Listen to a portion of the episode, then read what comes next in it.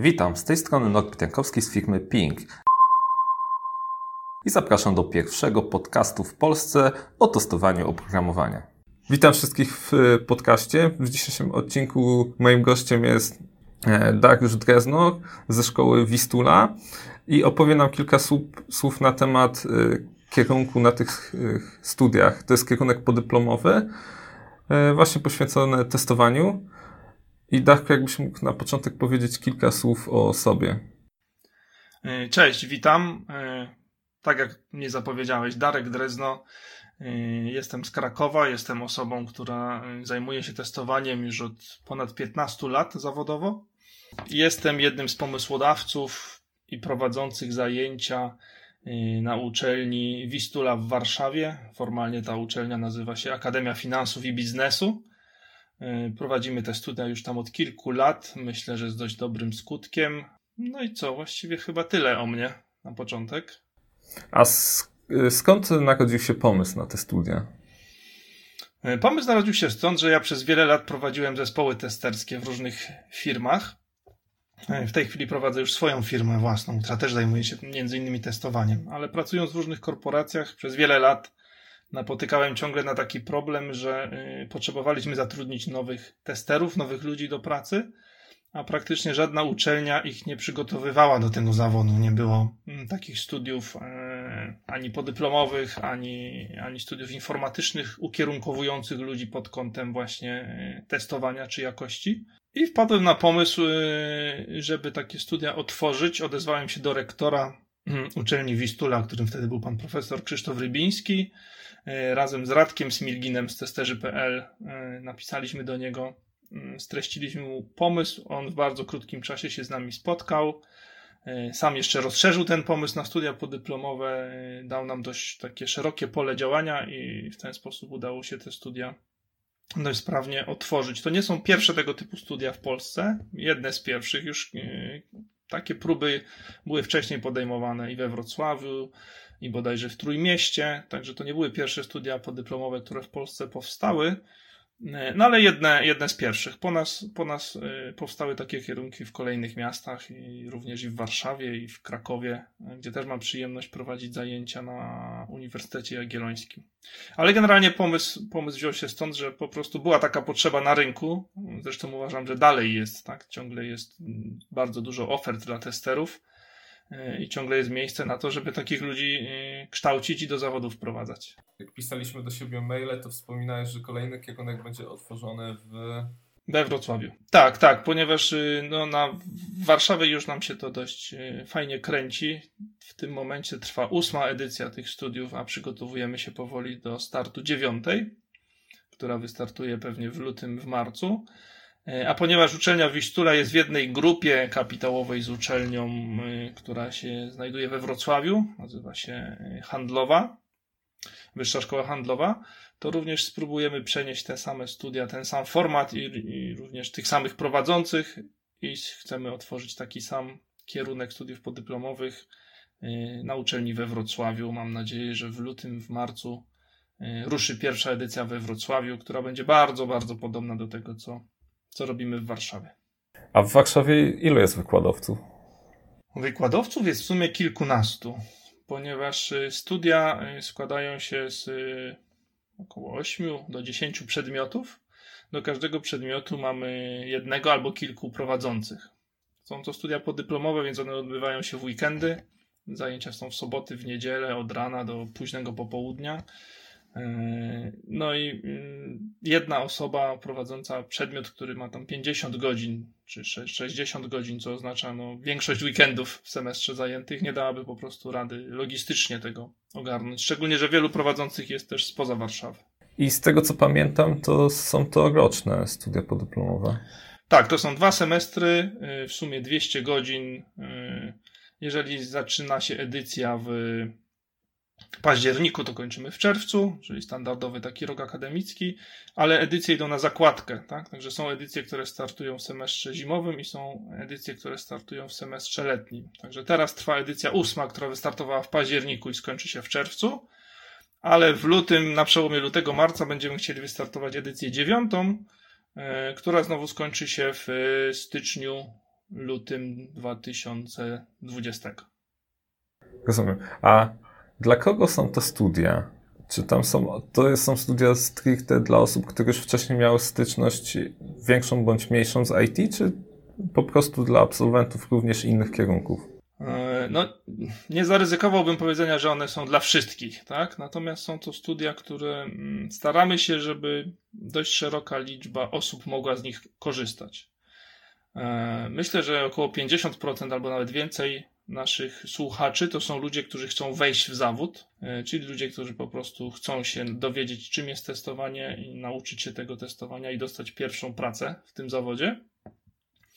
E, ale mamy też sporą, e, sporą liczbę słuchaczy, którzy mm, już pracują jako testerzy. Na przykład pracują kilka lat jako tester tak zwany manualny, czyli człowiek, który, który wykonuje testy bez wykorzystywania automatyzacji a chcieliby się czegoś o tej automatyzacji nauczyć. Pojawiają się ludzie, którzy pracują już dość długo, ale chcieliby trochę bardziej sobie tą wiedzę usystematyzować, y, dowiedzieć się, jak można to robić lepiej, wydajniej, dowiedzieć się trochę lepiej, jak tym zarządzać, tak? Y, I to są takie główne, główne, że tak powiem, motywacje ludzi, którzy do nas, do nas przychodzą. Natomiast jeżeli osoba jest taka, która nie boi się komputera i trochę ta wiedza jest głębsza niż e, standardowa, to jest w stanie jakby e, poprzez program nauczyć się tego testowania, czyli... Tak, tak. Program jest tak pomyślany, można powiedzieć, od zera do bohatera, czy też do testera. Mamy ludzi, którzy przychodzą na nasze studia i kończyli studia, powiedzmy, humanistyczne, tak? Mamy absolwentów czy studentów, którzy kończyli prawo, którzy kończyli pedagogikę, tak? E, nie wiem, Akademię Sztuk Pięknych, biologię, zdarzają się tego rodzaju ludzie. I oni też kończą te studia i udaje im się przekwalifikować i dostać pracę w zawodzie. Nie, nie, nie, nie, nie gwarantujemy 100% skuteczności, bo no, nie ukrywajmy, w te 200 godzin nie da się zrobić y, testera, jeżeli z człowieka, który wcześniej się tym nie zajmował, jeżeli to nie jest poparte y, pracą samodzielną. Tak? Także my na zajęciach skupiamy się bardzo na takich praktycznych aspektach pracy testera, staramy się te studia prowadzić od bardzo praktycznej strony ale też y, dla ludzi, którzy wchodzą całkowicie w informatykę, no nieodzowna jest ciężka praca w domu. Trzeba sobie przerobić pewnie parę tutoriali, trzeba sobie zrobić ćwiczenia i prace domowe, które my zadajemy, tak? Trzeba być może się zapisać na jakąś platformę crowd testingową, co my też zalecamy, albo brać jakiś udział w projekcie open source. E, więc jest to jak najbardziej możliwe, ale no, nie ukrywam, że dla takiej osoby całkiem spoza świata IT e, te studia są wyzwaniem. Tak? My staramy się w tym wyzwaniu pomagać, żeby przez nie przejść z sukcesem, e, no ale nie ukrywam, wymaga to, wymaga to pracy i, i motywacji. Rozumiem. Z tego, co, co widziałem, to pełen program jest dostępny na stronie szkoły i tam go można sobie pobrać. Tak jest. Jeżeli ktoś by chciał zobaczyć dokładnie, y, co jest jakby w zakresie, na pewno z tego co pamiętam jest y, trochę jest podstaw i nazewnictwa. Też mamy cykl życia produktu IT i gdzie, y, jak to wygląda i też, tak jak wspomniałeś, jest automatyzacja. To jest to, co pamiętam. Natomiast jeżeli chodzi o rozszerzenia, to myślę, że można spokojnie wejść na stronę i sprawdzić, jaki jest program tak, może ja powiem dwa słowa o tym, jaki jest zamysł stojący za tym, za tym programem, ponieważ myśl nasza mm, stojąca za tym jest taka, że pierwszy semestr ma przygotować człowieka do tego, żeby mógł podjąć pracę jako tester, nie tester, który automatyzuje, ale który potrafi wziąć na warsztat praktycznie dowolną aplikację, przetestować ją eksploracyjnie, mm, zrobić to w sposób przemyślany, y, profesjonalny, zaraportować wyniki y, w sposób taki, który przynosi wartość y, temu, kto go zatrudnia, czy temu, kto, kto mu zleca pracę. I na tym się skupiamy w pierwszym semestrze. Także pierwszy semestr to, naj, to jest mm, kilka przedmiotów. Objętościowo największy to jest przedmiot, który się nazywa podstawy testowania w skrócie mówię na nazwę umowną, nie formalną, tą długą, która jest na stronie, więc podstawy testowania, na których się właśnie uczymy, uczymy podstaw fachu od zera, tak jak mówiłem, do, do testów eksploracyjnych, raportowania. Y, również w pierwszym semestrze uczymy się podstaw programowania, y, po to, żeby się przygotować do drugiego semestru. Y, uczymy się testowania aplikacji mobilnych również w pierwszym semestrze a drugi semestr koncentruje się już na tym, e, żeby mm, no, tą wiedzę, którą mamy na temat testowania, czyli potrafimy testować, zaprojektować testy, przeprowadzić, zaraportować, żeby potrafić sobie to zautomatyzować. Czyli już największa część drugiego semestru to jest przedmiot nazywany automatyzacją testów. To jest ponad połowa tych, tych 100 godzin. E, no i w ramach tego przedmiotu właśnie e, używamy różnych narzędzi, żeby nauczyć się pisać automatyczne skrypty do testowania. Dodatkowo w tym drugim semestrze e, jest jeszcze tematyka z baz danych. Jest bardzo mały taki pięciogodzinny mm, fragment przygotowujący do egzaminu ISTQB dla zainteresowanych. Tak to generalnie wygląda. Mhm. A na zakończenie jest jakaś praca czy test? Na zakończenie studiów? W tym momencie studia kończą się egzaminem, który sprawdza, y, jak ludzie przyswoili sobie wiedzę z tych wszystkich przedmiotów, z tych 200 godzin. Y, ja też zawsze mówię wprost, już na początku studiów, i jakoś się z tym nie kryję. Y, dla mnie oceny z przedmiotów i oceny z egzaminu mają naprawdę marginalne znaczenie. One są potrzebne, one y, są wymagane, ponieważ no, działamy w ramach uczelni, w ramach prawa i przepisów. Natomiast dla mnie jedynym sprawdzianem tego, czy te studia działają, czy nie, jest to, czy ludzie dostają po nich pracę. Albo pierwszą pracę, albo lepszą pracę, tak? Jeżeli ktoś już pracuje w zawodzie testera. Więc na tym się koncentrujemy. E, oceny są tutaj sprawą wtórną. Mm, jakiś czas temu, pierwsze chyba cztery czy pięć edycji, kończyło się pisaniem pracy dyplomowej.